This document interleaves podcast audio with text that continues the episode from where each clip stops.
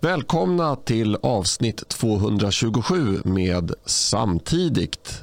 Eh, jag heter Erik Dalin och idag har jag endast med mig Dick Eriksson. Välkommen. Tackar. Tina har sommarförhinder kan man säga. Eh, idag är det torsdag 30 juni och det markerar ju halvårsskifte. Ja, just det. Många bolag har eh, bokslut den här dagen. Just. Och sådär. Eh, men eh, mycket mer om den saken behöver vi inte Nej. orda just nu. Jag går direkt över till att eh, läsa upp dagens ämnen. Ska bara hitta rätt kamera här. Så. Övertag för oppositionen i flera mätningar. Socialdemokraterna sviker kurderna. Kan enskilda L-kandidater sätta stopp för nödvändiga reformer? Islamistiskt attentat mot homosexuella i Norge. Vattenfall öppnar för ny kärnkraft. Mm. Ja, spännande värre. Ja, det händer saker eh, även så här efter midsommar. Det är, jag var lite förvånad över att det, det är så mycket som händer och sker. Men ja. eh, det gör det. Och nästa vecka är det ju Almedalen så att då eh, sker det i alla fall politisk diskussion. Mm. Du är på plats vad jag förstår. ja, just det. Mm. det. det. kommer jag vara ett, några av dagarna. Mm. Jag kommer inte vara det. Så att ni som har tänkt åka ner bara för att träffa mig kan avboka resan. Jaha. ja, Dick, eh, övertag eh, för oppositionen då eh, i flera mätningar. Novus kom igår tror jag va? Ja, eller om de var ute nu, ja i alla fall inför idag så att säga. Mm. Och där, där visade ju då, vilket irriterar mig, att Socialdemokraterna går upp lite grann. Det bryter deras nedgående trend. Men som det var tidigare också, de tar då mest från Centern och Vänsterpartiet. Så Centerpartiet är nu nere på rekordlåga 5,4 procent och Liberalerna får, får fem. Så att de är ju, skillnaden mellan dem är nu statistiskt inte signifikant. Så det, det, det, Centerpartiet eh, går, fortsätter sin eh, dalande trend kan man säga. Men i och med att Liberalerna kommer in och medan Miljöpartiet är utanför så när man räknar om det till mandat som jag har gjort i samtiden.nu då blir det 180 mandat för oppositionens fyra partier och 169 mandat för de tre eh, socialdemokratiskt anslutna partierna. Då. Mm. Eh, den, den stora förändringen eh, vad jag förstår, eller, eller om, jag, om jag gör en, en egen tolkning här, eh, det är ju att, alltså så här, det har varit extremt jämnt mellan blocken. Ja, ja men det, 180-169 är väldigt jämnt. Det, det räcker med att sex mandat flyttar. Ja. Eh, och det här är en mätning så felmarginalen är mycket större än så. Absolut, men, men om man tittar för kanske något år sedan eller mm. så, eh, så tycker jag att eh, då var det snarare kanske att vänsterblocket hade ja. en liten, liten ledning ja. och nu har högerblocket en liten, liten ledning. Ja.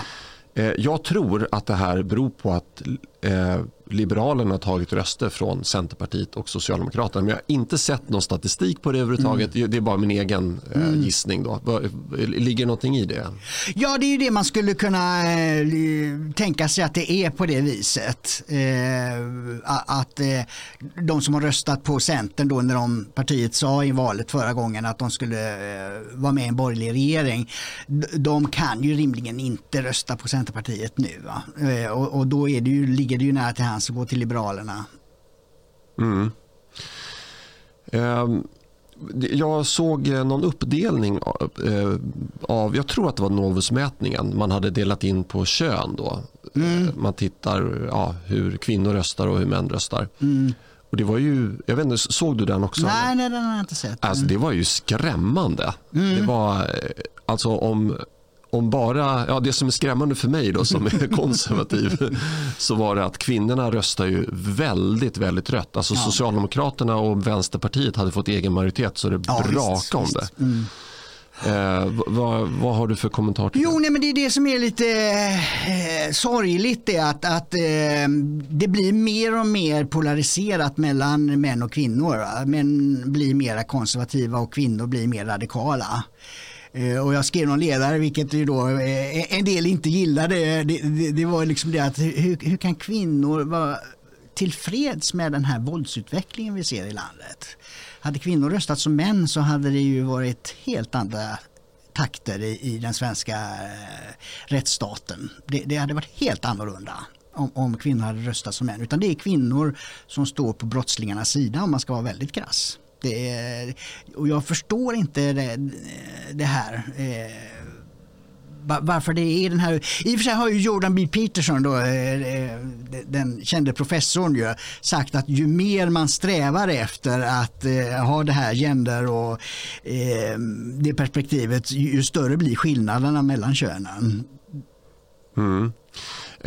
Jag har en liten långtgående tagning, eller vad man nu ska kalla det för.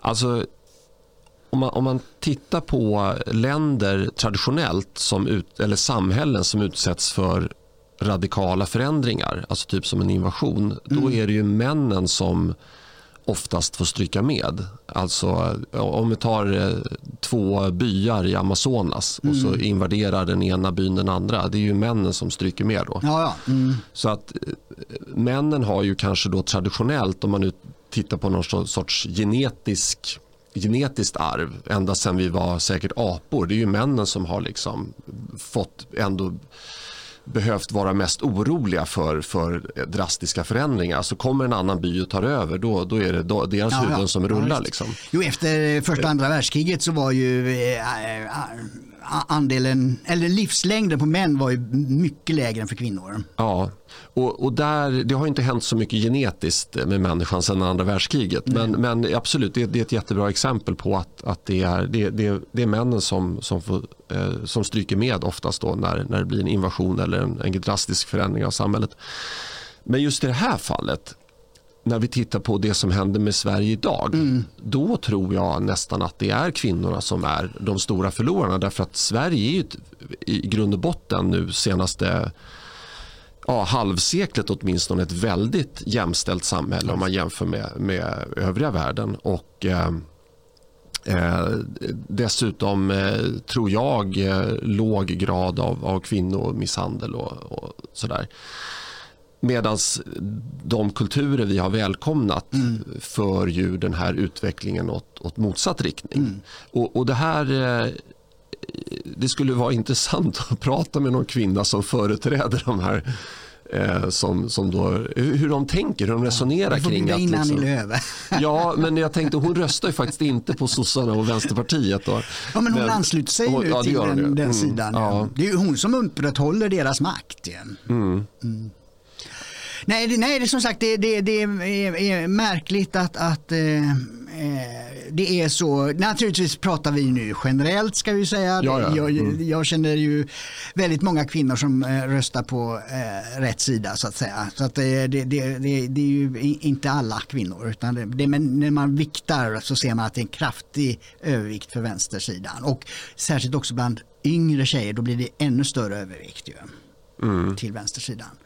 Nej, jag vet inte, en del hävdar ju att, att kvinnor är eh, mer konservativa egentligen. Och att eh, det, det eh, fanns eh, både under 1900-talet eh, så var det fler kvinnor, när eh, det blev allmän rösträtt så var det fler kvinnor som röstade på de konservativa partierna vilket gjorde att sossarna inte fick så stort övertag som de hade hoppats då med arbetarklassen som var så stor då på den tiden. Eh, och att det nu då, jag kommer inte ihåg vem det var som sa detta, men att det nu då skulle vara så att eh, kvinnorna är konservativa i den meningen att de eh, är nostalgiska och, och, hoppas att den gamla välfärdsstaten ändå ska kunna upprätthållas. Även om man då har tagit hit som sagt eh, väldigt många människor från eh, andra håll. Som gör att kvinnor är de som är eh, flest när det gäller äldre då, ju, pensionärer, flest fattigpensionärer är ju kvinnor. De får betala priset, deras pensioner har inte höjts eftersom pengarna går till annat vård och omsorg och sånt där får ju stå tillbaka när så många hundra miljarder måste gå till migrationskostnader. Men ändå så har de någon, tydligen en majoritet där en nostalgisk tro på att sossarna ska kunna stå för det de gjorde på 50-talet. Mm. Nej, men det är ju, eh, jag, jag kommer osökt att tänka på Stockholmssyndromet. Ja, just det. att man typ så blir, blir vän med, med fienden. Eh, men, eh, nej, men det alltså, frågar man kvinnor på, på en mikronivå så eh, mm. är de ju väldigt konservativa. Till exempel att, ja, nu gissar jag bara, men att liksom, låsa ytterdörren och, och vara rädd för att Alltså, jag kan ta bara från min barndom när mina föräldrar talade om, spekulerade om, om inbrott. Mm då tyckte mamma att ja, men det, är ju, det gör ju inte så mycket om vi inte är hemma ungefär. Och pappa var så här, vadå? Eh, det är väl bättre om vi är hemma så vi kan försvara hemmet. Ja, just det. kan, kan slå dem på käften. Liksom. Ja, just det. Och det är väl lite grann eh, så att, att kvinnor är väldigt måna om den, den väl inre, liksom, mm. eh, sådär, skydda familjen och så. Och det får inte hända dem någonting. Nej, men, det sociala. Mm. Ja, men, mm. men, men, ser inte kanske den större bilden. Eh, men, men, nu talar vi bara de här säkerhetsfrågorna och, och eh, kulturkriget. Då, om man mm. säger så. Det finns väl säkert andra aspekter som gör att, att kvinnor röstar vänster. Eh, de, de kanske tycker att det är häftigt att betala skatt. Det är möjligt. som Mona Sahlin. Ja, just det. Ja. Just det, just det. Eller, eller det här med att eh, men det, det är ju mera den här eh, grova polemiken då att varför var Annie Lööf och andra kvinnor så måna om att låta de här unga afghanska männen få stanna i Sverige? Mm. Det, det. Ska vi byta ämne där? Ja, vi gör det. nej, men det, nej, men det um, precis, det kan man spekulera i. Eh, för det, det, var inget mer vi behövde nämna om eh, oppositionen. Nej, det, det, eh, eller förlåt, eh, oppositionens övertag där. Ja, precis. Det, nej, som sagt, det, är väldigt jämnt och det är väldigt konstigt tycker jag egentligen med tanke på allt tumult som har varit under den här mandatperioden. Har, under min livstid har det aldrig varit så här mycket tumult och, och eh, liksom pandemi och krig och statsministeromröstningar och allt möjligt. Liksom. Eh, men ändå är opinionen ganska still. Mm. Ja, då tar vi ämne nummer två. Socialdemokraterna sviker kurderna. Eh, det här är ju en eh, ganska färsk ja. nyhet. Berätta. Det, men det är framförallt igår så kom reaktionerna på Magdalena Anderssons avtal med eh, Turkiets president eh, Erdogan i tisdags. Eh, och igår var det väldigt mycket kritik då från kurdiska organisationer. Eh, inte bara Amine Kakabave som ju fick se sitt avtal fullständigt raserat och hon konstaterar ju det, det går inte att lita på Socialdemokraterna. För hon skrev i november det här avtalet om att, man, att Socialdemokraterna, för det var partisekreteraren, sossarna är ju smarta ändå, det var partisekreteraren som skrev avtalet med Kakabave och det borde ju ringa varningsklockor för Kakabave om att inte partiledningen gör det, utan, eller ledaren, utan partisekreteraren. Eh, om att man ska stödja de här olika kurdiska organisationerna. Eh, och avtalet i tisdags var att man ska eh, stoppa allt stöd till de här kurdiska organisationerna och istället hjälpa Turkiet att eh, upprätthålla eh, Turkiets säkerhet. Så att man har svängt eh, 180 grader. Va? Eh, och eh, Ann Linde hade också sagt att nej, men, avtalet med Kabawe gäller inte längre. För hon, nu kan hon inte rösta. Det var, hennes avtal var intressant så länge hon kunde rösta för eh, Magdalena Andersson som statsminister och rädda Morgan Johansson eh, för inte så länge sedan eh, från att falla i misstroendeomröstningen. Då var, då var det aktuellt men så fort det var över så då kan man dumpa Kakabaveh. Mm. Jag eh, såg ett Facebook-inlägg från Ann Linde från 16 eh, oktober 2019 där hon skriver då Sverige fördömer det turkiska folkrättsstridiga angreppet i nordöstra Syrien mm. och verkade under måndagen på EUs utrikesministermöte för ett gemensamt vapenembargo. Mm. Vi kom en bra bit på vägen och driver också på för att EU bör överväga ytterligare åtgärder. Mm. Och sen fortsätter de där att hylla kurdernas insatser mot eh, Daesh mm. och så vidare. Men det, ja, men det, det alltså, man vill ju klämma åt eh, sossarna på alla möjliga sätt. Mm. Eh, och det här mantrat att det är bara makten de vill åt. Mm. Det är kanske någonting man har som jag då som opinionsbildare, man ska kalla mig för, har eh, yppat då och då utan att kanske till 100% eh, tro på det. Mm. Men, men, nu är alltså det, det, de har ju ingen ryggrad alls. De, de, de kan ju svänga precis hur som helst. Mm. Alltså det är ju så här, jag, jag, undrar, jag undrar var gränsen går någonstans. Om, om de skulle inse att ja, men en, vår, vår enda möjlighet att behålla makten det är att vi blir nazister. Mm. Jag, jag börjar tro på att det, det, då skulle de bli det. Ja. Ja, visst. Ja. ja. men så är det. Det, det, det är makt. Det, det, det är det enda eftersom de, deras ideologi är ju eh, socialism och det mm. vill de ju inte ta upp för att de vet att väljarna inte gillar det. Mm. Så, så, så ger de sig inte ut på, på den banan utan eh, Morgan Johansson eh, har ju nu också börjat tala om att man ska avskaffa den här det, vad heter det, eh, tidigare frigivningen utav, utav fängelsekunder så att säga. De får automatiskt gå tidigare om de inte har misskött sig grovt. Eh, att han ska plocka bort det. Liksom. Det, det på punkt efter punkt så flyttar sig Socialdemokraterna till eh, vad eh, eh, konservativa och borgerliga tycker. Och det är ju för att få behålla sina röster så att säga. Så nej, så de har inga skrupler. Det, det, det är så. Och, och, ja, hela vändningen i, det, anledningen till den här eh, kurdproblematiken är, är ju eh, NATO-frågan och att eh, Ryssland gick in i Ukraina som ju var alliansfritt, precis som Sverige. Och då fick ju sossarna klart för sig, oj då, Eh, det har betydelse om man har allianser eh, när det gäller försvar. Oj då. Så att eh, från att tunga socialdemokrater som försvarsminister Peter Hultqvist sa ju på sossarnas kongress i om det var oktober november förra året att det kommer inte ske under min livstid eller så länge jag är försvarsminister tror jag han sa att vi går med i NATO. Och kvinnoförbundet sa så sent som i början på februari att det inte är aktuellt att ändra ståndpunkt eh, när det gäller NATO. Men sen bara några veckor senare så vände man 180 grader. Sverigedemokraterna har ju också då ändrat men det har ju skett liksom stegvis. Att, att man från ett eh, motstånd sen för några år sedan gick med på det här NATO-option. Att, liksom att man ska, eh, som Finland har gjort, det vill säga eh, ordentligt gå till botten med vad, vad innebär det om vi skulle gå med i NATO. Eh, och det är, det är en ganska naturlig naturligt steg. Man har inte ändrat grundposition men man vill veta vad det innebär om man skulle ändra position. Och det har ju Socialdemokraterna sagt blankt nej till. Medan Finland har haft det eh, sedan slutet på 90-talet tror jag. Mm. Så har man hela tiden liksom granskat vad skulle det här innebära om vi gör på ett annat sätt. Det är ju vanligt i ekonomin, alternativkostnader. Att man, eh, eh, liksom, för att kunna fatta rätt beslut så måste man ju veta vad innebär om vi gör på det sätt vi inte hade tänkt oss. Att säga.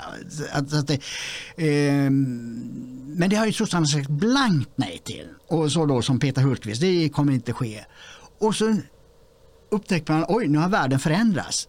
Ja, då svänger man på en femöring. Liksom. Ja, femöring det ingen, mm. finns inte längre men, men man svänger så in i helsike Och det ger inte ett bra eh, det ger inget bra intryck och det är inget bra ledarskap. Det är därför då nu då kurderna eh, kommer i kläm här då eftersom man gör det här så här hastigt. Va? Hade man eh, gjort det tidigare och låtit Sverige ha den här optionen då hade man kanske kommit underfund med att Turkiet eh, skulle bli problem och kunnat hantera det under hand så att när det väl blir allvar av att ansöka så, så är det löst. Va? Nu har man ju givit Turkiet vad heter det, jokern S i, eh, i förhandlingsspelet för att Sverige vill ju komma med. Och då kan Erdogan säga nej, det får ni inte om ni inte gör som jag säger.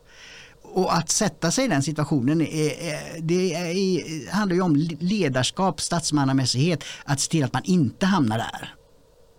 Mm. Nej men precis, det är, i NATO-frågan har de ju svängt eh, och sen eh, i Ja, jag, jag ska ärligt, ärligt erkänna att jag är inte så insatt i det här kurdfrågan. Mm. Um, men eh, det är många kurder som blev väldigt, väldigt upprörda igår. Ja, det är det. Och eh, The Guardian skrev en artikel om att det är ungefär 100 000 menar Guardian. The Guardian är en stor vänstertidning i Storbritannien som, brukar ha eh, ändå bra underlag för sina artiklar även om de politiskt hamnar fel. Mm. det är ganska lustigt det där. Eh, men, men ehm, eh, och de är, blir ju naturligtvis oroliga när det sker sådana svängningar från regeringspartiets sida. Och, och det är ju sossarna de har litat på, vilket också är lite konstigt med tanke på att det var sossarna som drev PKK-spåret i Palmemordet. Det var ju eh, sosseledningen som tvingade Ebbe Carlsson, eller tvingade inte honom, han ville så gärna, men eh, liksom gick förbi polisen eftersom polisen inte längre, eh, och framförallt åklagaren inte var intresserad av det där spåret, så var det Socialdemokratiska partiet som ville ha det utrett mera eftersom de trodde att det var PKK som hade gjort det. Så det är lite lustigt. Sossarna har en väldigt märklig eh, relation till sina olika minoriteter från olika regioner i världen tycker jag. Eh, vad var det skulle komma med det här nu då? The Guardian. Eh, ja just det, att det är 100 000 eh, kurder i, i, i Sverige och, och att eh,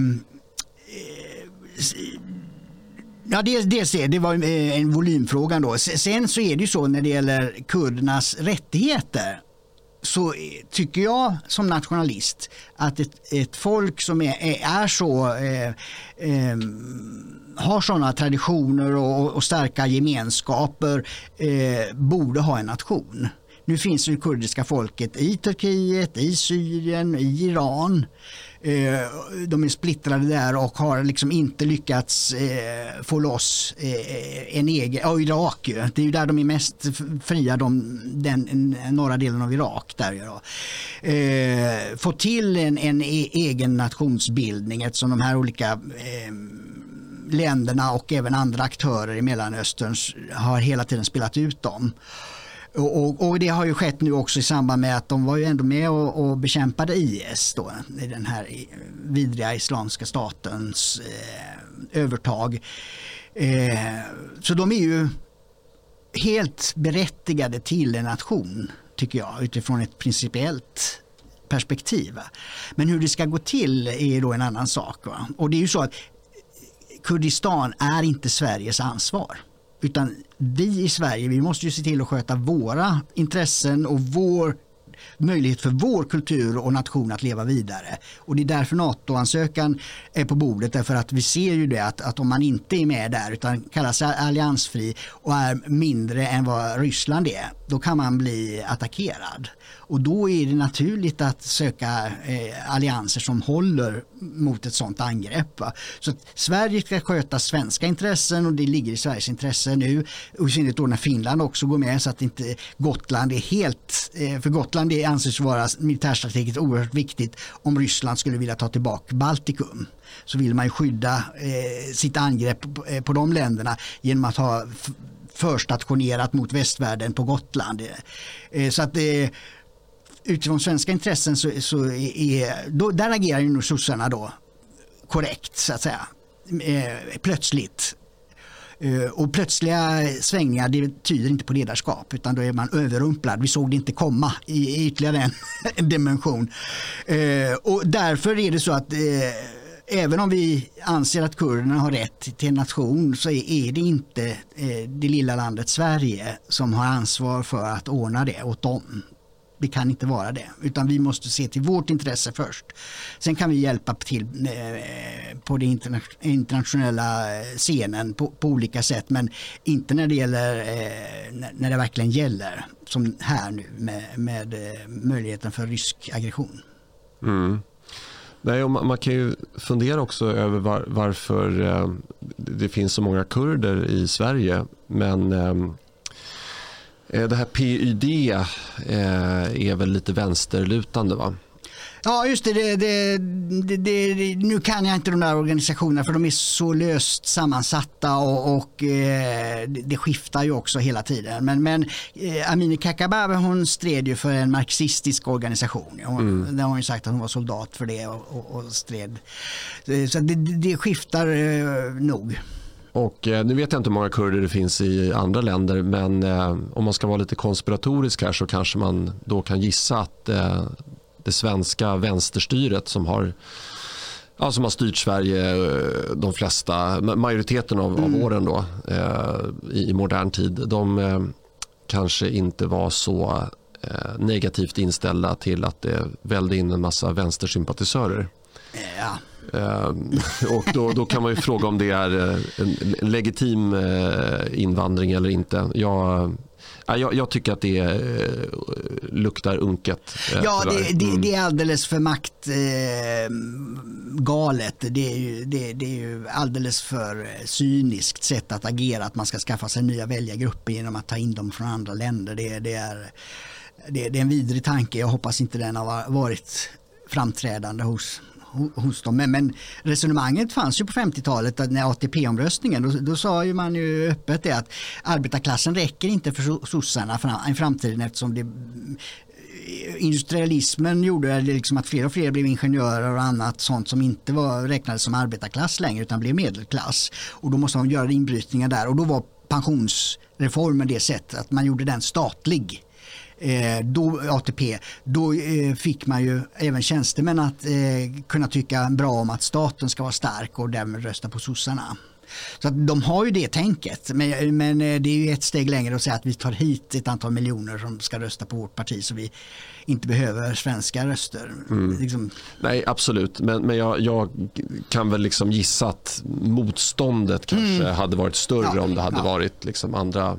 Eh, för att det, men det, det det är frågan hur ska, hur ska Sverige liksom förhålla sig till de här konflikterna? Det är väl, det är väl jättesynd om, om kurder då som är politiskt förföljda och sådär för att de har en, en annan uppfattning än, än turkiska mm. staten eller irakiska staten mm. för den delen. Så eh, och, och, det är klart, förföljelsen i Irak har ju varit en, av helt annan dignitet än, mm. än i Turkiet vad, vad, jag förstår också. Men, eh, men du, du har ju samma sak i Chile. Ja. Och det är jättesynd om dem som blev förföljda av mm. Pinochet, absolut. Men, men ska vi ta hit då 100 000 från Chile, 100 000 från Kurdistan, 100 000 kanske från, eh, vad vet jag, Marocko, 100 000, då, då har vi liksom eh, 50-11 olika minoriteter där med 100 000 ur varje ja, som har blivit från, politiskt förföljda. Ja, eller de här som är förföljda i norra Kina, jag kommer inte ihåg vad den här provinsen heter nu, men där är det ju kanske 100 miljoner. Mm. Ska vi ta dem också? Nej, men det här är bottnar i Olof Palmes eh, galenskaper. Eh, det här med att göra Sverige till, till, en humanitär stormakt. För att han skulle kunna åka runt och bli applåderad i Havanna hos Fidel Castro och andra. Liksom det, det, det var hans storhetsvansinne som, som skapade den här eh, att sossarna flyttade sin solidaritet från att hjälpa eh, pensionärer, äldre, handikappade i Sverige, alltså välfärdsstaten som Per Albin Hansson började bygga. Den syftar ju till att hjälpa dem i det egna landet. Men med Palme blir det helt plötsligt, då är det alla andra som ska hjälpas medan man skiter fullständigt i, i svenska folket. Och det, det, är, det är en galen eh, uppfattning och den, den ligger bakom här. Att, att, och det är därför också kurderna är besvikna för att de har ju trott på den här Eh, humanitära stormaktsambitionerna som Sverige har haft. Att Sverige ska vara garant för kurderna i, Turkiet och, de länderna där nere. Men Sverige har ju ingenting att sätta emot när det, gäller, eh, när det verkligen gäller. För det är ju så som gamla eh, tänkare har sagt, alltså, eh, krig det är en förlängning av eh, politik. Ja, eh, det den får våra lyssnare fundera på. Ja. Men det är väl klart att det är det mm. eh, någonstans. Ska vi byta ja. ämne? Kan enskilda L-kandidater sätta stopp för nödvändiga reformer? Och, och L står ju då för Liberalerna. Eh, ja, Liberalerna är då ett, ett, lika splittrat parti som alltid trots eh, ett, eh, att de har fått en tydligare ledare i Johan Persson Mm. Han, han har ju utåt sett en, en eh, tycker jag, tydligare kommunikation än Nyamko Sabuni. Men, eh, men splittringen inom partiet, den kvarstår ju. Eh, och eh, vad man kan läsa sig till eh, här och där så tyder det väl på att vissa riksdagskandidater från Liberalerna de skyr Sverigedemokraterna lika mycket som Annie Lööf.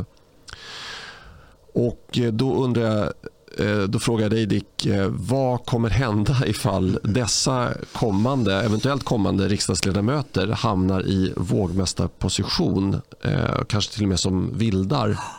Ja, precis. Alltså, det är ju det som är det, det, det bökiga i den här situationen. Det var väldigt eh, jobbigt att bilda den första borgerliga regeringen 1976 med Torbjörn Fälldin som statsminister. Första gången på 44 år det var en annan regering, en socialdemokratisk och den första gången där, där de tre borgerliga regerade ihop. Va?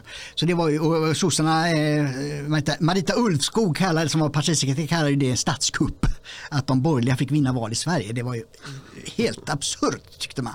Och Moderaterna stämplades som ett extremt parti. Eh, på den. Sossarna har alltid riktat in sig på ett parti på motståndarsidan och eh, eh pumpat ut eh, hur vidrig, vidrigt och oacceptabelt det partiet är. Och 76 var det Moderaterna. Men Fälldin eh, eh struntade i det där och sa att han ville ha en annan regering. Så han var ju annorlunda än de tidigare mitten. För på den tiden var ju alltså mittenpartierna, Centern och Folkpartiet som då hette, de hade 35 procent tillsammans och Moderaterna hade 15.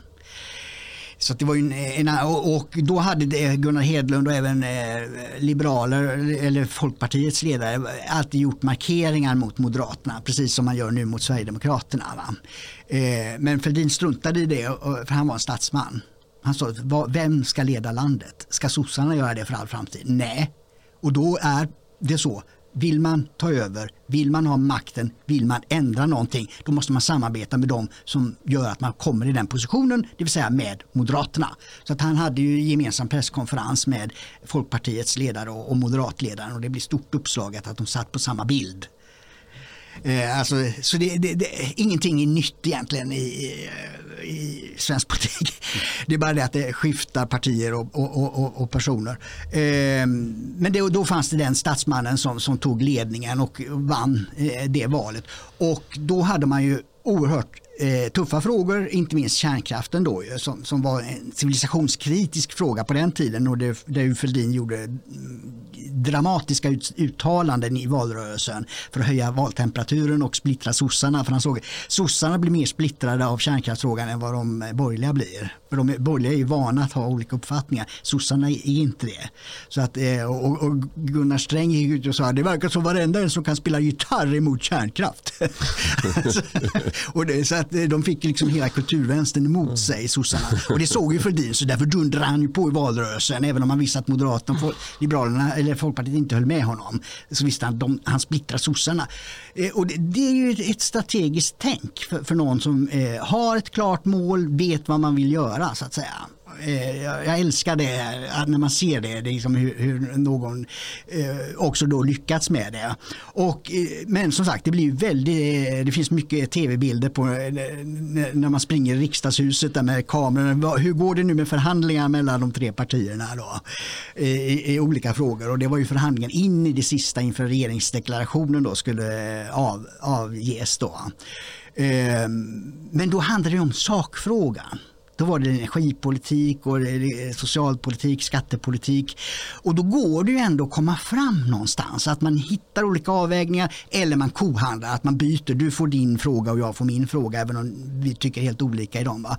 Eh, alltså det gick, eh, inte minst när Fälldin satt bakåtlutad eh, och, och rökte pipa medan eh, Boman och, och Ahlmark fick, fick kackla eh, tills de var trötta och skulle sätta ner en mittenposition. Eh, men det som är problemet nu det är att eh, det är Annie Lööfs syndromet här då. Nej, vi pratar inte med dem. Alltså, med den inställningen, då går det inte att göra något. Om man säger att du är så, du är så ful och, och, och vidrig att vi samtalar inte.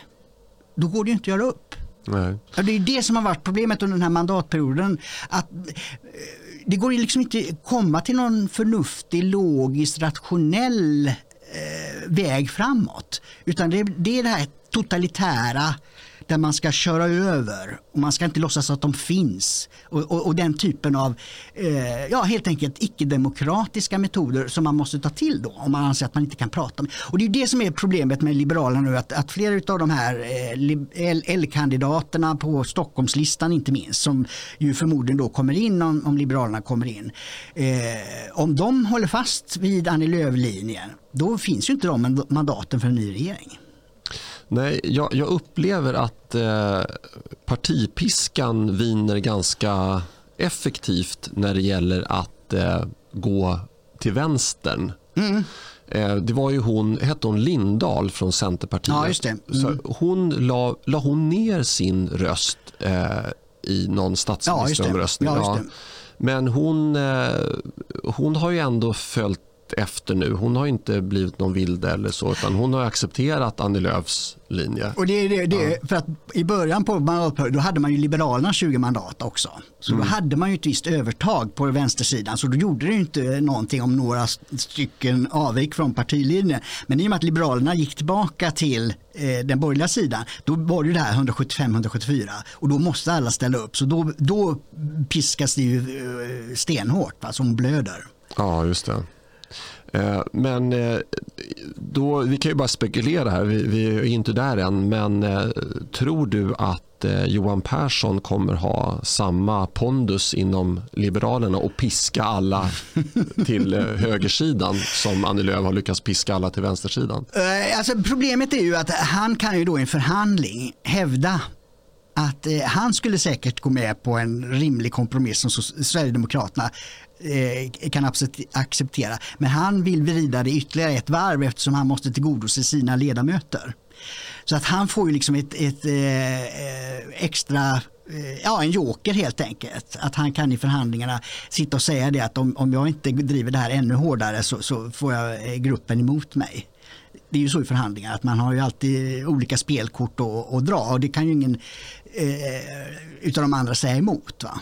Så det, det, blir ju så att det, blir, det, blir, kommer bli mycket svårare att göra upp än om Moderaterna, Sverigedemokraterna och Kristdemokraterna eh, bildar majoritet. Det vill säga att Liberalerna inte kommer in. Eller att Liberalerna kommer in men inte behövs för att nå 175.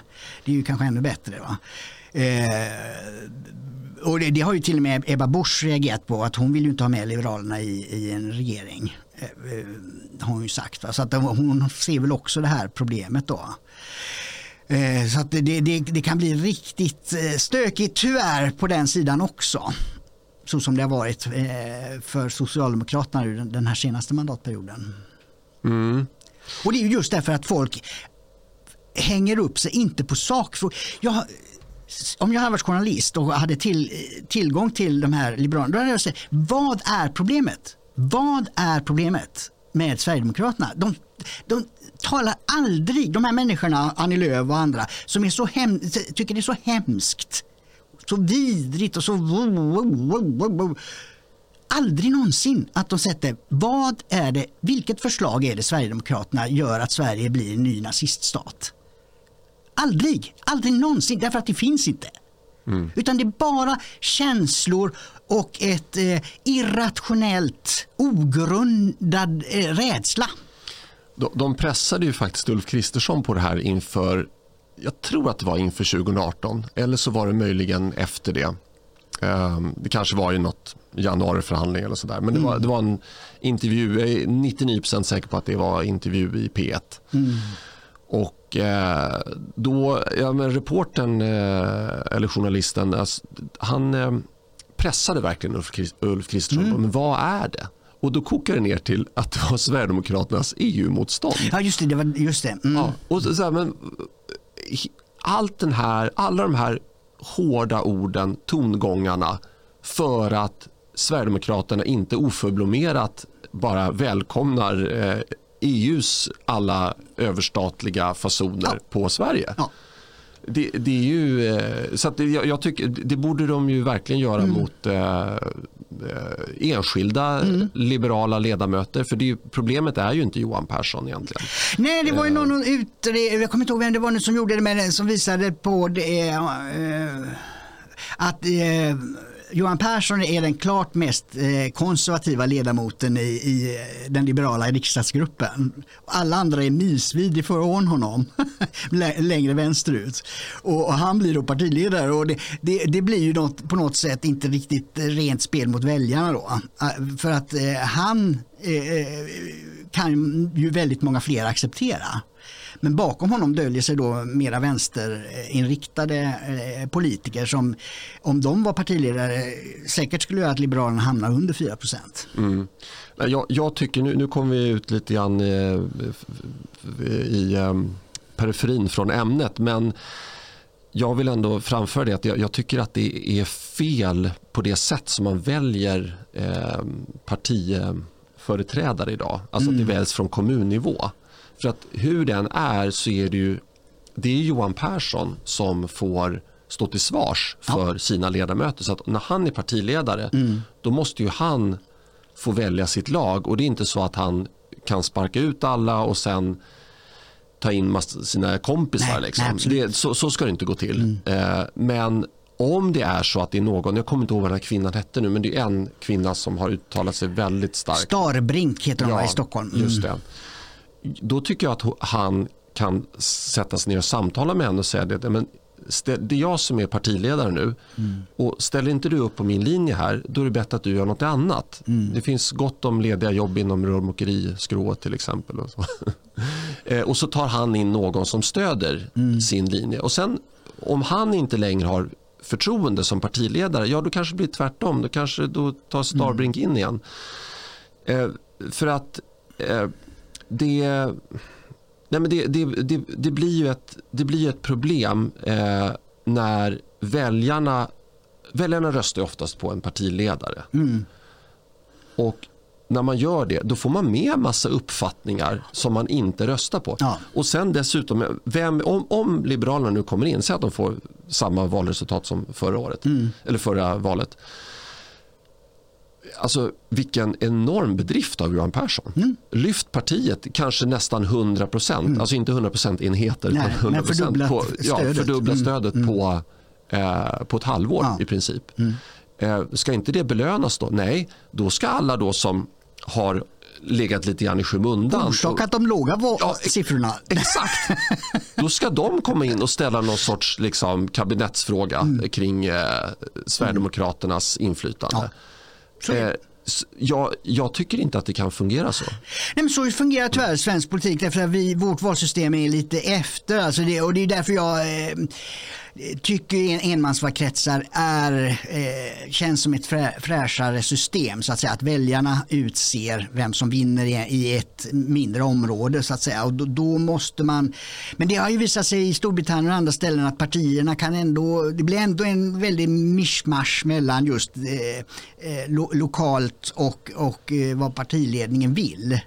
Eh, Sverigedemokraterna, men det är ju därför att Sverigedemokraterna är ett ganska nytt parti, har ju löst det genom att man låter riksnivån eh, fastställa eh, en stor mängd rikskandidater som går före alla eh, lokalkandidater. Eh, och det gör ju då att, att eh, eh valberedningen och eh, ja, nomineringsstämman, eh, som i och för sig då är ju representanter för eh, de olika distrikten i landet, men man gör en gemensam avvägning vilka som ska eh, komma in i första hand. Det gör ju inte de andra partierna utan de har ju 21, eller hur många är det nu? Nej, det är flera riksdagsvalkretsar än län. och, och var och en av dem gör ju sina, sina sina listor. Eh, I alla fall gjorde man så när jag var med i Centerpartiet för liksom att jag var aktiv i Göteborg. Då, då var det ju Göteborgs kommun som utsåg sin lista och eh, hade då i början när jag var tre riksdagsledamöter. Eh, så de ägde vi i Göteborg, då, den föreningen där. Mm. Inte partiledningen. Så att, det, blir väldigt, det blir väldigt konstigt. det håller jag med om. Ja, det, det blir jättekonstigt. Alltså, tänk om det skulle fungera så i, i företagarvärlden. Mm. Att man utser en, en företagsledning mm. mm. och så säger man men alltså det här arbetslaget mm. eh, i, i Växjö eller vad det nu är för stad. Mm. Eh, det, det, det, det sänker hela koncernen. Mm. Vi, måste, vi måste sparka dem, mm. eller halva arbetsstyrkan. Mm. Halva, halva arbetsstyrkan mm. som, som lökar och skäl ur lagret. Ja, Nej, de är valda lokalt. Ja. De kan inte, alltså det vore helt absurt. Det, det är ju, det är ledningen i ett bolag eller i ett parti som får mm. ta skiten. Mm. Eh, som, då, då, måste de också kunna välja laget. Det, det, alltså, ja, SD har den möjligheten men det har ju gått rasande fort åt ett helt annat håll. Mm. Ja, det, det sätt man skulle kunna komma, över, komma ur det eh, med tanke på, och det, en, en, annan, en anledning är också att, att det här lokala förankring inte betyder något på riksplanet. Det betyder mycket för kommunerna och där ska det ju självklart vara kommunerna som utser sina eh, listor och så vidare. Men för riksdagen, det skulle ju vara att ta bort alla eh, riksdagsvalkretsar och eh, säga att Sverige är en valkrets och varje parti sätter upp en lista. Då blir det ju att partiet centralt får göra den listan. Och inte partiledaren nöjd med den listan då, då, då eh, får han säga att nej, men då är inte jag med längre. Alltså då, då, skulle det bli mer fokus på eh, liksom sammanhållningen och det övergripande eh, imagen som partiet vill ge. Istället för att bryta ner det då i mer än 20 eh, olika listor. Mm. Det kanske skulle vara något. Med tanke på att ja, med, så som medierna fungerar så är det ju partiledarna som, som syns och, och, representerar partiet när det gäller rikspolitik. Mm. Ja, kanske ja. vi har kläckt det. Ja, jo, men no, någon sorts förändring måste till. för att eh, det här, Nu vet inte jag hur det har varit historiskt men eh, med massa interna strider och potentiella vildar och sådär. Det var väl någon omröstning, var det pensions, var det ATP-omröstningen? Ja, som, ja. Så det har ju hänt förut ja. men, men jag upplever nu eh, under min livstid mm. eller min så att säga, vuxna mm. livstid då har jag aldrig varit med om det här att, att eh, riksdagsmajoriteten kan liksom avgöras av en enda politisk vilde. Liksom. Mm. Eh, och, och, eventuellt efter valet om det är en handfull liberaler mm. som ställer sig på en annan sida. Mm. Det är ju eh, det är fruktansvärt. Ja, det är mm. precis. Det, det, det, men det, det, är en, jag skrev om det här um, sistens att en, en anledning till att det här mandatperioden var så stökig är ju att det liknar 1920-talet. Förra gången det var stökigt, under 20-talet hade vi åtta statsministrar under tio år. Åtta statsministrar. Under vilket tal då? 1920-talet. Ah, okay. Och det var ju därför att då blev Socialdemokraterna stora och bröt sig in då mellan de tidigare två gamla maktblocken, liberaler, konservativa eller höger. Så kom sossarna in och fick liksom upp mot eh, 28-30 procent så att säga. Så det blev tre block och då blir det ju stökigt. Va? Mm. Två måste komma överens. Och sen utkristallisera sig det socialdemokratiska vänsterblocket och, och, och, det borgerliga och då har det varit eh, mer tydligt. Men nu har ju Sverigedemokraterna kommit in och också då är ett tredje block mellan borgerliga och socialister och då blir det också stökigt så länge man inte kan inordna sig i två regeringsalternativ. För det, Ja, som jag ser det så är det ju en demokrati mår bäst av att det finns en regeringssida och en, som man sa i Storbritannien, som är parlamentarismens vagga då, Her Majesty's Opposition. Alltså att det finns en opposition som är redo att ta över makten om väljarna vill sparka ut den sittande regeringen. Då har väljarna makten. Det är det som inte finns i Bryssel till exempel. Där, där finns det ju liksom inte den här kopplingen mellan väljarna och en regering utan det, är flera led emellan och där kan man schackra bort väljarnas eh, utslag och, och, göra sina egna bedömningar av vem som ska eh, bestämma.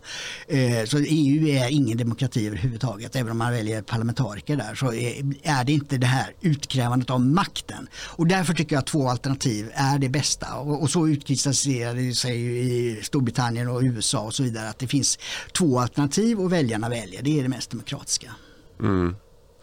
Nej, men nu, nu eh, kommer jag att tänka på en annan sak här eh, med eh, demokrati och eh, ja, men det här med som vi pratade om förut också med val till riksdagslista och, och nu kom du in på EU. Och, alltså en, en väg framåt tror jag som, som ändå skulle kunna rädda Sverige på sätt och vis det är ju ett, mer av kommunalt självstyre. Mm. Eh, och, och ett, ett bra exempel på att den nu inslagna vägen inte fungerar det är ju det här med bosättningslagen. Mm. Eh, för att då bestämmer staten då att vi tar in väldigt mycket eh, människor från andra länder. Mm. Och så dumpar de i olika kommuner. Ja, och sen mm. tvingar de de här mm. kommunerna. Då, då, kan det vara en kommun och säga men vi, vi behöver inte de här människorna. Mm. Vi har tillräckligt med mm. arbetskraft. Vi har tillräckligt bra mm. skattekraft. Och, och, dessutom så vi skänker redan massa pengar till flyktinghjälp. Vi, vi, vi, vi, tar vårt ansvar. Nej, då ska ju Danderyd och Nacka då, då ska de pådyvlas. Och det, jag vill bara tipsa alla lyssnare och tittare om den här eh, filmen som Riks gjorde eh, där de granskade Nacka kommun. Då. Mm. Det var en artikel i eh, Nacka Värmdö-Posten där Nackalistan eh, hade, och Nack, Nackalistan ska ni inte rösta på, de, de är lite som de är, men de, de, är idealister men kanske lite vänsterlutande. Mm. Eh, men de, de hade då tagit fram siffror som visade att Nacka kommun hade gjort förlust på 45 miljoner för bostadsrätter som kommunen hade köpt in för att ta emot migranter ja. enligt bosättningslagen och sen sålt dem när mm. den här jättevågen var över. Mm. Eh, och eh, det, det, här blir ju ett jättebekymmer för att det förstår ju vem som helst att det här är ju inte eh, särskilt effektivt när det gäller att hjälpa eh, och att, att, att, att rädda liv mm. på folk som, som är förföljda och, och lever i krig. Det, det är otroligt ineffektivt. Eh, och dessutom så är det inte särskilt bra för, för Nacka kommun där man måste pressa in massa människor i eh, där det redan råder stor bostadsbrist. Mm. Eh, så att, ja, var ska de unga i Nacka ta vägen? Ja, nej, men det, det är sinnessjukt. Och jag, jag, tror, jag hoppas att eh, det var faktiskt jag som tipsade redaktionen om den här nyheten. Det var ju mm. en nyhet i Nacka Värmdö-Posten ja. så det, det, inte ett, det var inte ett skop som nej, kom men ändå mm. det här. Mm. Eh, och, eh, men, eh, men jag hoppas att det blir en uppföljning också. Mm. Eh, vi, vi jobbar lite grann på den. Men, eh, men själva principen här ja. att, att en kommun måste kunna säga nej. Mm.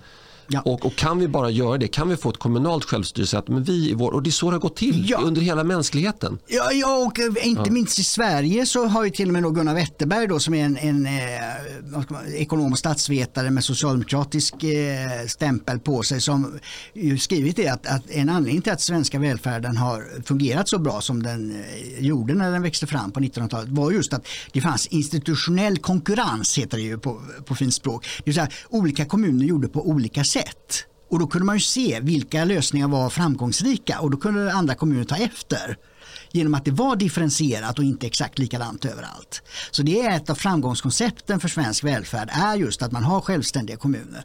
Och utvecklingen har ju då tyvärr de sista 50 åren varit att staten tar mer och mer makt genom att man har kommunal skatteutjämning och man eh, skickar ut bidragspengar till ditten och datten som kommunen ska göra och så vidare. Så att de blir mera utav mottagare av order så att säga från, från eh, statsmakten. Och, och, men jag håller med dig helt. Tala om vilka ansvar ansvarsområden, politiska ansvar som kommunerna ska ha. Till exempel tycker jag att man kan lyfta bort sjukvården och göra den nationell. Eh, då, då, då, och ta bort regionerna då, den, den, den, nivån. Men självständiga kommuner som tar hand om eh, vatten och allt det här grundläggande politiska arbetet som jag tycker hela tiden negligeras från partier som vill göra eh, snygga pamfletter och så. Det är inte så roligt att skriva om att vi ska göra större dimensioner på eh, kulvertarna för, för, så att det inte blir översvämningar när, när det regnar mycket. Va? Där kommunen istället har dragit ner dimensioneringen och så skyller man på klimatet när det blir översvämning. När det är de själva som har planerat galet. Mm.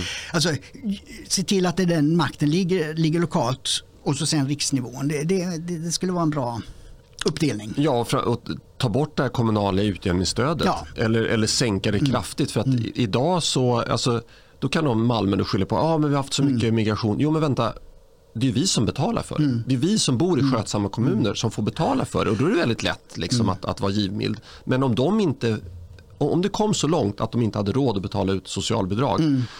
ja då kanske skulle det vara lättare med det här återvandringstanken. Just det. Att, ja, men, Malmö säger vi är bankrutt, vi kan inte mm. försörja de här liksom, mm. horderna av, av, människor som har kommit från andra länder. Ja, men vet du vad, säger svenska staten, då kan vi hjälpa er. Då kan vi ge dem jättemycket pengar mm. så att de flyttar tillbaka. Mm. Men det här liksom, det, det, det blir... någonstans måste man ju ändå fundera på när svensken upphör att, att den här påtvingade givmildheten, ja. när, när den kommer upphöra, mm. när, när, man, när man säger nej. För att det är självklart att om jag, om jag har mina barn i en, i en skolklass och, och sen så i klassrummet bredvid, ja, den är, det är bra och så i den klassrummet som mina barn går i, låt säga hypotetiskt. Men i, i klassrummet bredvid så är det, eh, väl, går det väldigt vilt till. Men det är klart att jag har ju en vilja då att, att skolan gör, gör insatser för att liksom stävja stöket i klassrummet bredvid. Mm. Men egentligen jag har inte så jättemycket att göra med om, om det bråkas i ett klassrum i en annan landsända. Mm. Alltså jag, jag, är inte beredd liksom att, att bussa mina barn dit mm. eller, eller plocka bort resurser från mina barns skola för att hjälpa dem. Så det, det, man är ju sig själv närmast mm. och, och, när skolan fallerar, det ser vi nu. De elever som klarar sig, det är ju de elever som får hjälp hemma.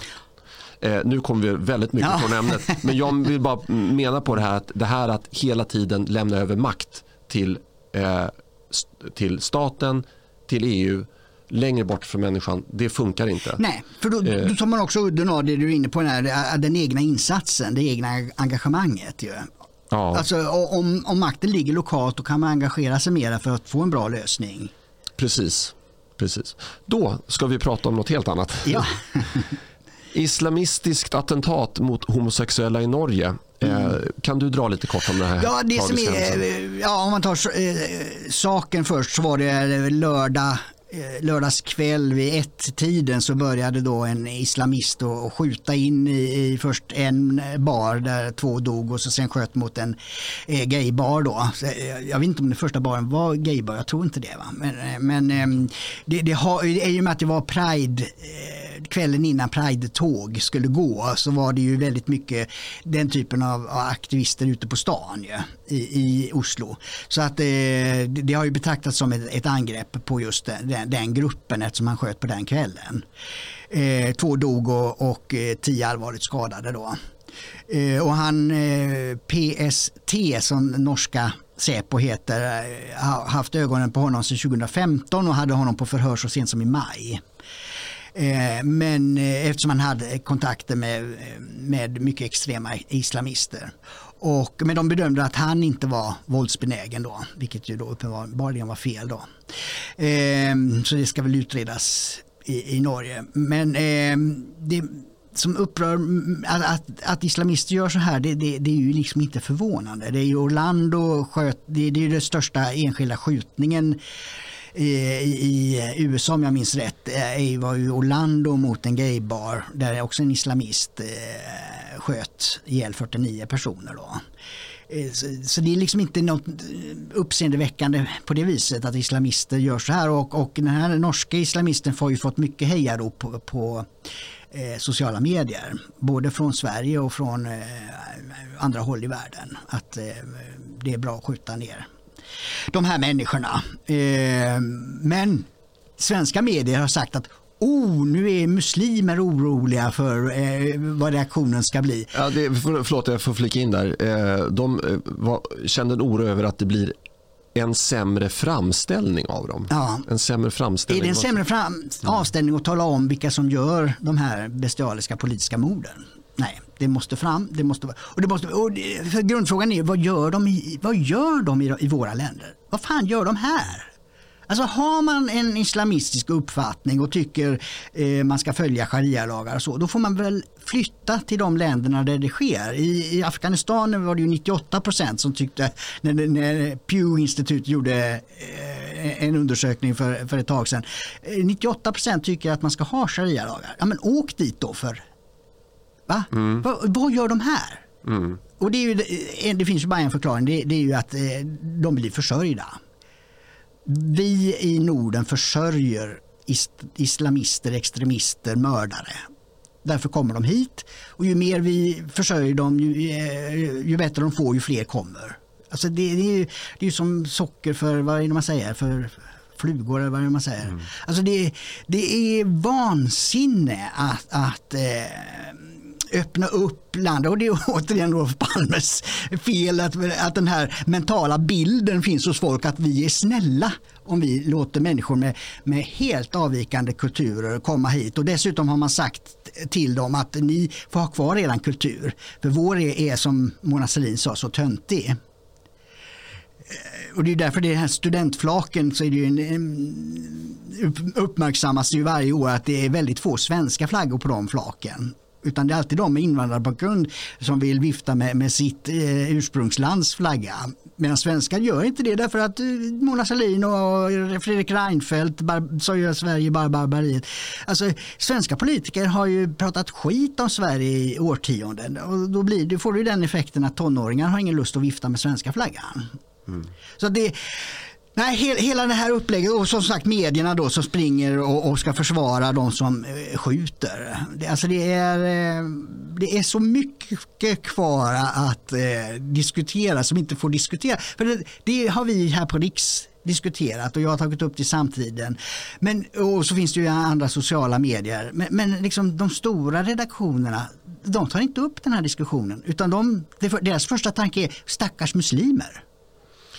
Ja, alltså det, sen förekommer också de här eh, whataboutism och relativiseringarna och säger mm. att men det finns ju svenskar och, och norrmän då som eh, har begått bestialiska handlingar och sådär. Men det, jag, jag tycker att det är, en, det är en stor skillnad ja. där för att eh, det var någon, eh, ja, jag vet inte, det var någon vettvilling på Twitter som, som skrev att eh, det, det, är inte de kristnas fel att Breivik gjorde det han gjorde och, och jämförde då mm. på samma sätt är det inte muslimer. Hur många man, man kristna kan... var det som skrev på sociala medier att de hejade på Breivik? Ja, hur många gjorde det? Och hur många har inte då med det här lördagens attentat visat sitt stöd från muslimska länder? Alltså, mm. Jag skrev i samtiden att han, attentatsmannen i Oslo var inte ensam. Han hade en enorm uppbackning. Han visste att han har en miljard människor bakom sig runt om i världen. Mm. Därför att det, är så här, det finns ju inga kristna länder där eh, det står inskrivet i lagen att man ska mörda oliktänkande. Mm. Eh, eller att det, att det är dödsstraff för oliktänkande. Men däremot så finns det ett antal muslimska länder där det är dödsstraff för homosexualitet. Mm. Ja, och även för muslimer som då eh, in, tar avstånd från islam. Det är också dödsstraff. Mm. Så det, det, det, är en väldigt totalitär eh, religion eh, som islam är. Och det är därför det inte finns, jag frågade länge varför finns det inga muslimska ledare som är moderata och, och balanserade? Men det är ju därför att grundtexterna är så extrema och så radikala att de som är kunniga måste bli extrema och radikala. Det är bara de som avviker som, som eh, kan ha mer sunda uppfattningar om, om hur eh, religionen ska praktiseras. Mm. Nej, men alltså, man, man, eh, vill ju då framstå från, från vänsterhåll och, och från eh ja, muslimskt håll, eh, i alla fall de som eh, har lite mer vett att uttrycka sig moderat så att säga. Mm. De vill ju påskina att det här var en ensam galning. Ja. Men då undrar jag, de här som sitter i ledningen för länderna där det är dödsstraff för mm. homosexualitet, är det också ensamma galningar? Ja, för de gör ju samma sak mm. fast i lagens mm. namn. Mm. De mördar ju också homosexuella. Ja, eh, menar, hur många ensamma galningar finns det? Mm. En miljard eller? Mm. Ja. eller alltså, eh, ja. Nej precis, Nej, så det här är ju ett, ett, en mycket öm tå för vänstern. Då. För Pride, och, och, för Pride är, ju, är ju kapat av vänstern. Det har ingenting med minoriteten eh, eh gay och homosexuella att göra utan det är vänsterorganisationer, eh, eh, vänstermänniskor som har kapat dem. Och de har ju väldigt svårt att förhålla sig till det för de, är ju, de, de ska ju gulla med alla minoriteter och tror att de är ja, eller på något sätt anser de ju sig vara då för mer eftersom de ska hjälpa minoriteter. Så de har ju något sorts narcissistisk storhetsvansinne de här vänstermänniskorna. Vilket ju gör mig vansinnig liksom att eh, sköt ditt eget liv för helvete istället för att lägga det i andra människors liv. Eh, men de får ju väldiga problem då. Mm. När de ska både ömma för eh, islamister och, och, och, för homosexuella. Det, det går ju liksom inte. Nej, och, och eh, man skulle också vilja att se reaktionen, inte för att jag vill att det ska hända, absolut inte, men om, om det hade varit en nazist istället som hade gjort det här, vad hade reaktionerna blivit då? Och vad, vad, vad hade det fått för efterdyningar? Mm. Alltså jag, jag kan tänka mig att det liksom hade blivit inskränkning i yttrandefrihet. Ja, visst. Mm. Eh, det hade blivit eh, en genomlysning av vilka organisationer som överhuvudtaget har mm. någonting inskrivet eh, med, eh, ja, man hade till exempel tolkat kanske att eh, eh de organisationer som är emot adoption för homosexuella mm. par, de hade säkert liksom strykit med. Mm. Och man, man, jag bara gissar nu, man har gått väldigt, väldigt långt. Men mm. här, man gör ju ingenting. Nej, nej. Alltså det, det rimliga hade väl ändå varit så här, okej, okay, nu ser vi vad som händer här. De här människorna kommer från länder där man hänger eh, homosexuella mm. i lyftkranar. Eh, Okej, okay, vi kan inte dra alla över en kam, men vi kan å andra sidan inte säga att bara för att man kommer hit så blir 100% omvända mm. och tar, tar till sig våra uppfattningar. Och det räcker med att det är en på 10 000 mm. som är beredd mm. att skjuta en homosexuell mm. person. Mm. Eh, det, alltså då, för min del i alla fall, mm. då kan vi faktiskt dels då neka honom inträde till de nordiska länderna och även de 9999 andra. För det är inte värt det. Det är inte värt det. Nej, i alla fall inte som, eh, eh säga, för att vara snäll. Alltså, om, jag tycker den invandring vi har haft historiskt, det vill säga när människor har kommit hit som arbetskraft och tillfört en eh, funktion, en specialitet som, som eh, Sverige behöver, då, då, spelar det ingen roll vilken religion de har utan att de är ute efter att sköta sig och göra sitt jobb. Både få betalt själv och hjälpa till för utveckling i landet. Då, då, eh, så länge har jag inga problem. Utan det, det är det här med, med asyl och anhöriginvandring och mm, alla skäl till varför alla ska komma till Sverige. Det, det, det är ju det som skapar det här problemet. För det, vilka är det som, som kommer? Eh, det är ju bottenskiktet i alla de här länderna. Är bottenskiktet som kommer. Eh, utom eh, har det visat sig då i, från eh, Iran för de flydde då från Ayatollah Khomeini och det var ju då en övre medelklass så att säga. Så där, där skiljer sig eh, deras sociala ställning ifrån många andra grupper. Då. Mm. Uh, nu generaliserar jag igen, vi ska uh, alltid lägga in en reservation. Det finns naturligtvis ett antal, och de har ju medierna försökt att lyfta fram, civilingenjörer och läkare och så. Det finns ju en, enstaka sådana. Ja, och, och det här med att, att ha vidriga uppfattningar det är inte heller kanske då relaterat till den klass man kommer från i hemlandet. Jag har för mig att den här Ikea, dubbelmördaren på Ikea jag för mig läste någonting om att han kom från ett hyfsat välbärgat hem då. Jaha, nej, det, eh, men okej, okay, det, mm. det, ska jag inte ta gift på. Men, men jag tror eh, Palme kom ju från ett fint hem. Och han var ju väldigt radikal. ja, det var ett skämt, det var ett skämt, förlåt. Ja, men, men precis, jag tyckte det var ganska precis, roligt. Precis. Ja. Nej, men man kan ju göra bara det, du, du, det som vad händer om, om, om en nazist hade skjutit i, i Oslo. Jag, eh, inte hade medierna sagt Oj, vad oroliga alla nazister nu måste vara över att bli eh, dragna i smutsen av det här, kopplingen till den här eh, bilden. Hade de gjort det? Nej. Nej. Så därför det, det visar hur, hur alltså, eh, saker och ting ska tas för vad de är. Det, det, det, är det islamister som begår de här eh, dåden och det är det ju i Sverige också då med Drottninggatan gånger två. Ja. Så eh, är det den typen av, av extremister och de har inte i det här landet att göra. Eller i Norge heller. Nej, nej precis. Och det, en annan grej som vi kanske ska nämna om det här det var att man ställde in Pride-tåget. Mm. Jo, alltså PST tog det här på jättestort. Mm. Jag följde ju norska medier. Eh, de höjde ju eh, säkerhetsnivån och sa att det inte alls säkert att han var ensam utan att det kan ha varit flera personer som har tänkt att, att, att attackera på, eh, vid olika ställen. Så det, det, det var ju hög beredskap i, i, hos polisen i Norge i helgen. Mm. Men, men då, då undrar jag, liksom som, om det är någon vänsterperson som lyssnar på den här podden så får ni gärna förklara för mig liksom hur ni känner när, eh, genom att skriva i kommentarerna på Youtube. Alltså, hur, hur känner ni inför det här? Att eh, man ställer in Pride-tåget på grund av en muslimsk invandring. Mm. Ja, men återigen, tänk om det hade varit nazister. Mm.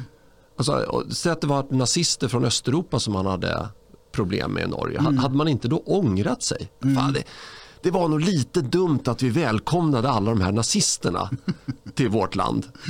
Eh, men kan inte någon vänstermänniska bara säga att vi ångrar verkligen att vi välkomnade så många människor från de här länderna där den här unkna värdegrunden är så fruktansvärt utbredd.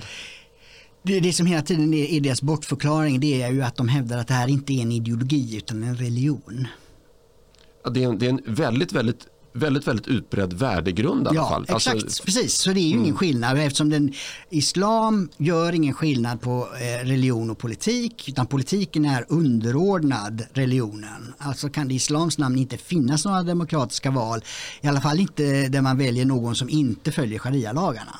För det bryter mot religionen. Så att det, den är väldigt eh, tydlig i, i de här punkterna. Mm. Och det, därför är det väldigt svårt att förstå hur man kan hävda att det, det, det, är någonting annat det handlar om. Sen är det ju så att enskilda människor kan ju då, eh, Nalin Pekgul då, som engagerade Socialdemokraterna men sparkades från alla poster. Eh, hon eh, hävdar ju det att konservativa muslimer de ser på religionen ungefär som eh, kristna gör. Alltså, det är någonting man har för sig själv. Det här jihad till exempel, det är egen utveckling, kampen inom sig om livet och, och, och hur man ser det och så vidare. Och man överlåter åt Gud att straffa de som inte följer religionen. Det gör man inte själv. Det är så hon som en konservativ eh, eh, gruppen muslimer. Och den har jag full respekt för. Det, det är precis så som också kristna eh, gör. Ju. Att, att det, det, det, är för en egen utveckling. Man ska inte pracka på andra saker och ting. Va? Eh, Medan hon ser ju de här som, som eh, ska placka på samhällen även i väst då, det, det, är ju radikaler och e, extremister och den uppdelningen tycker jag är, är den korrekta. Och de som har den här eh, konservativa eh, synen, eh, de respekterar och de ska ha sin religionsfrihet. Mm. Det, är väldigt märkligt att, att i Sverige där är det så otroligt viktigt att man lär barnen en, en god värdegrund. Mm. Det står inskrivet i läroplanen. Alltså, läroplanen har gått från att vara typ en A4-sida för hundra år sedan om det ens fanns. Liksom. Mm. Och då var skolan bra. Då mm. gav man över ansvaret till läraren som hade en oftast då en, en eh, svensk uppfostran med svenska värderingar och så vidare. Mm. Eh, och, och, nu då, nu, nu tror man inte att läraren kan någonting så då har man liksom en, en lunta mm. på flera centimeter eh, med, med värdegrundsdokument och så vidare. Men då, då tycker man uppenbarligen att eh, man kan påverka barn i vissa riktningar. Mm.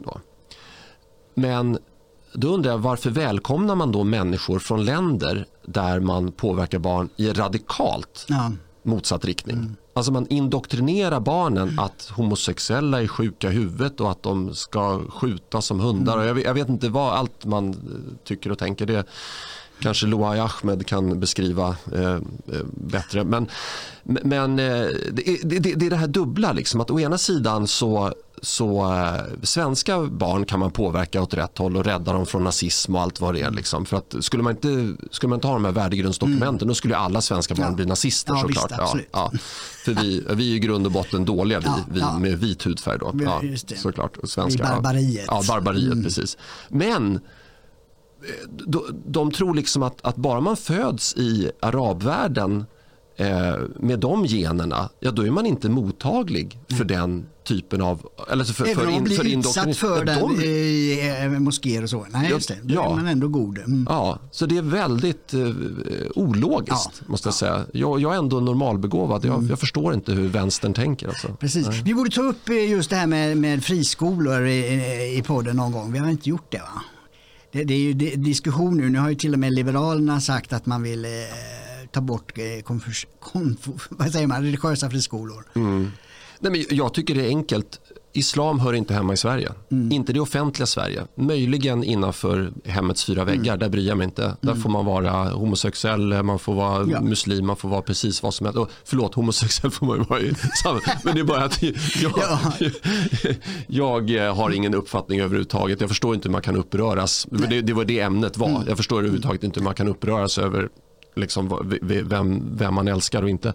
Eh, men eh, när det gäller då den, eh, när det gäller då, vad heter det, eh, islams påverkan på samhället så då, folk får jättegärna vara muslimer för mig. Mm. De får vara det eh, hemma på gatan, var som mm. helst. Men när det gäller den allmänna utövningen mm. från Sverige, alltså när man betalar skattemedel mm. till skolor mm. eh, och eh, ja, andra exempel, eh, man ger ju bidrag till, till eh, samfund, föreningar ja, och sådär. Det går ju miljardbelopp. Det, det, jag, jag kan tycka så här att nej men det, är, det är noll. Däremot har jag inga mm. problem att samtidigt bevilja bidrag till kristna skolor, eh, kristna nej. samfund. Men, men det är bara det att Sverige måste ju, vi måste ha liksom ett ledarskap som säger att Sverige är svenskt. Mm vad, du gör, vad du gör privat, mm. det, det, får du göra hur du vill. Men, men Sverige är svenskt. Mm. Sverige är inte en millimeter muslimskt. Nej.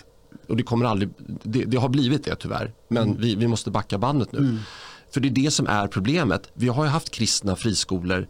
Vi har haft eh, judiska mm. skolor. Det har aldrig varit några problem. Mm. Problemen har uppstått när islam har kommit in. Mm. Och att ingen kan säga det rakt ut. Det är ett svaghetstecken ja. tycker jag. Ja, mm. absolut. Då byter vi ämne. Just det, sista ja. korta grejen här. Eh, Vattenfall öppnar för ny kärnkraft. Just det, det är ju att eh, här har ju svängningen gått långsamt. Det var ju tankeförbud fram till 2006. Man fick inte eh, göra kalkyler och ritningar som avsåg att bygga kärnkraft. Det var förbjudet. Jag har inte kollat vad straffet var för det om någon skulle komma på en att man satt och kalkylerade på vad det, vad det skulle kosta att bygga ett kärnkraftverk. Men det, det var förbjudet. Mm. Så togs det bort av alliansregeringen då. Eh, och, och, men sen har ju då i och med Miljöpartiet ju påverkat både Fredrik Reinfeldt och, och, och sen eh, Stefan Löfven ju, så eh, har ju Vattenfall fylldes ju med ledamöter från eh, miljövänstern. Ju. Så att eh, de hävdar ju att det, och så införde man ju skatter och annat som gjorde att det blev, eh, som man sa då, icke lönsamt att driva kärnkraftverk. Medan man eh, när det gäller havsbaserad vindkraft så, så finns det ju beräkningar på att, och där har ju S-regeringen sagt att man ska, staten ska bekosta anslutningen till elnätet. Och det säger då, sa någon, någon ingenjör, ja det är ju en tredjedel av hela kostnaden.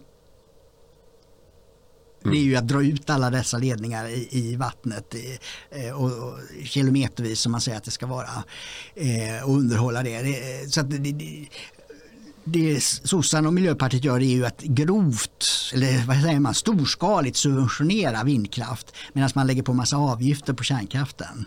Och då är det ju inte, det är inte jämförbart helt enkelt. Ja. Eh, men nu har ju opinionen ändå vänt så mycket så att eh, Vattenfall gick ut med det här om dagen att man kommer nu att utreda eh, vad heter det, vad, det skulle innebära att bygga två eh, mindre reaktorer då där, i Ringhals där ju två är nedlagda nyligen. Eh, så det, det, är ju ändå ett eh, litet, litet positivt tecken i eh, tiden. Mm.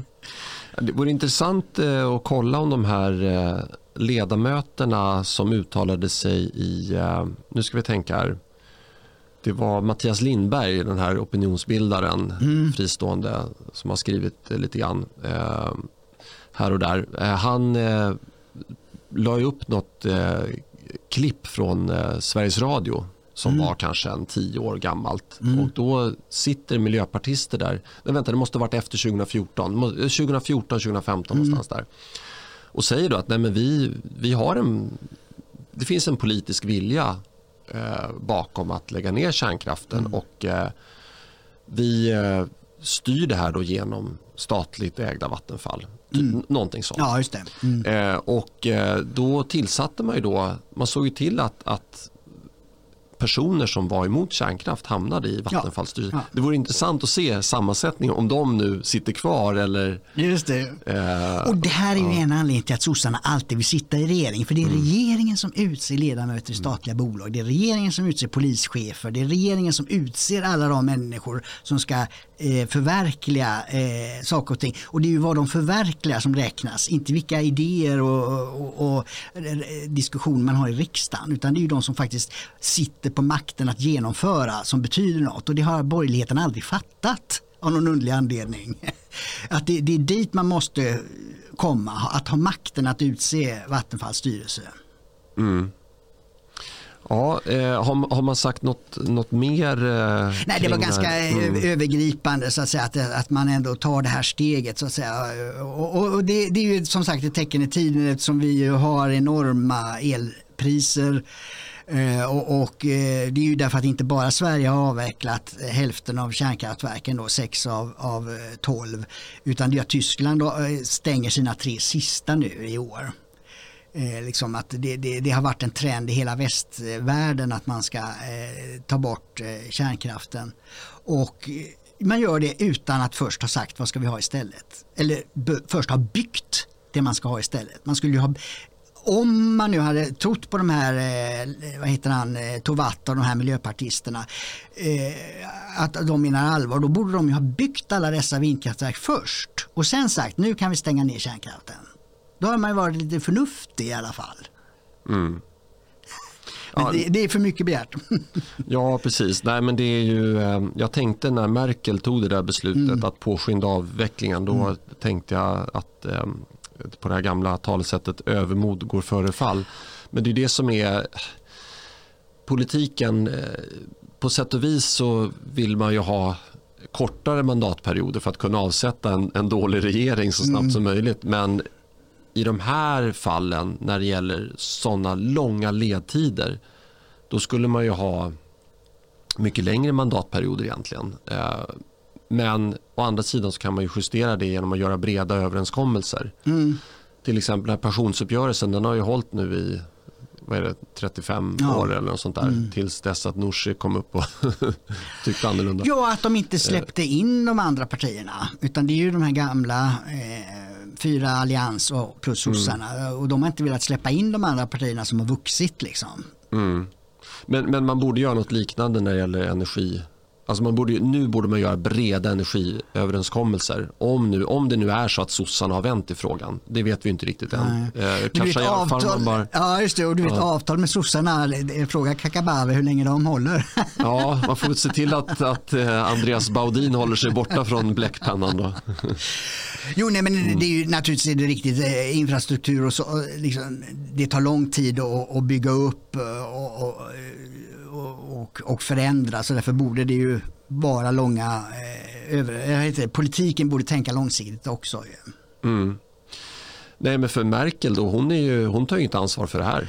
Nej jag såg en intervju i en tysk tidning eh, som hade intervjuat medarbetare till henne och, och eh, de konstaterade att efter Fukushima då, som ju alltså var en tsunami och översvämning som aldrig kommer att ske i Tyskland Eh, Eh, som orsakade eh, haveriet där i Fukushima.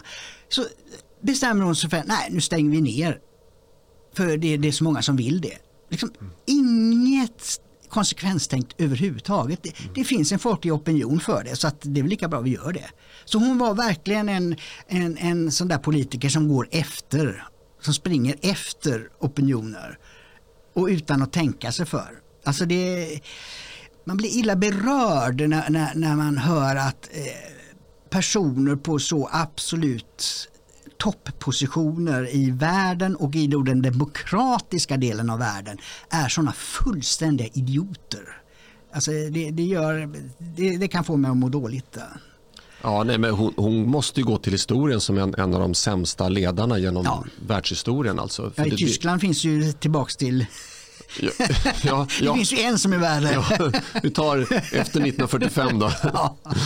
Eh, för att dels den här kärnkraftsfrågan som kommer ju kosta tyska folket eh, enormt eh, på många plan. Och, sen multikultifrågan. Mm. Hon står ju där, mm. vilket år det nu var.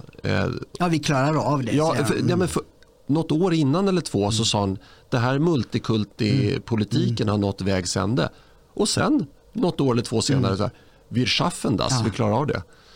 Eh, ja, men vänta, har hon glömt bort vad hon mm. sa? Mm tidigare.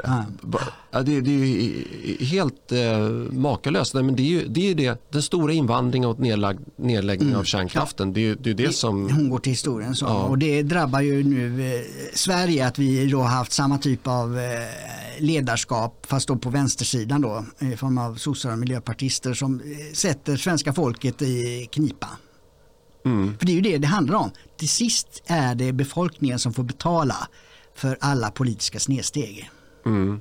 Men då, då, kan jag tycka ändå att, att, systemet är bättre i Tyskland för där har man ju ändå en person man kan belasta ansvaret för. Men jag kan inte säga, även om jag tycker att Morgan Johansson har gjort väldigt mycket dåligt, ja han bär inte ansvaret ensam direkt. Det kanske inte Merkel heller gör. Men, Nej, hon men, har men det är, det och så vidare. Mm. Det mm. jag tycker att det är väldigt otydligt och, och, det är väl det som gör att de kan ju vända kappan de, de, kan ju så att säga byta ståndpunkt eh, hej vilt här utan att någon enskild person ställs till svars. Mm. Lika lätt i alla fall. Mm. Men eh, ja, de som lyssnar på den här podden är väl eh, Eh, förmodligen övertygad om att eh, Socialdemokraterna bär ett stort ansvar för de problem vi ser i Sverige idag. Både eh, inom migration och kärnkraft. Men vi får hoppas att de vänder nu. Då. Ja, precis. För att bara sätta ett perspektiv. Jag röstade, eller jag röstade inte för jag hade inte rösträtt i folkomröstningen 80. Men det, jag var emot kärnkraft då, att den, den skulle avvecklas. Eftersom den hade den här, det var representant för betongsamhället och, och, och storskaligheten. Och då trodde jag ju att eh, solkraften skulle kunna eh, ta över ganska snabbt under den tiden tid man avvecklade eh, kärnkraft. Men då var jag som sagt tonåring. man borde begära lite mer av de som sitter i regeringen kan man tycka. Men jag är förvånad över att vind, eh, för vindkraft gillar jag inte. Det är liksom väderkvarnar från medeltiden. Det, det, jag förstår inte varför man ska gå tillbaka till medeltiden. Det, det är ju solenergin. Solen strålar ut, även det är, när det är mulet, mängder med eh, energi. Att vi inte kunde ta upp lite grann av den eh, och, och, göra om och, och också lagra i batterier. Eh, det förvånar mig. Nu har det gått vad är det, 42 år sedan kärnkraftomröstningen var. Alltså hade du frågat mig 1980 hade jag tänkt att ah, om tio år så har vi eh, liksom ett el, elenergiburet eh, system.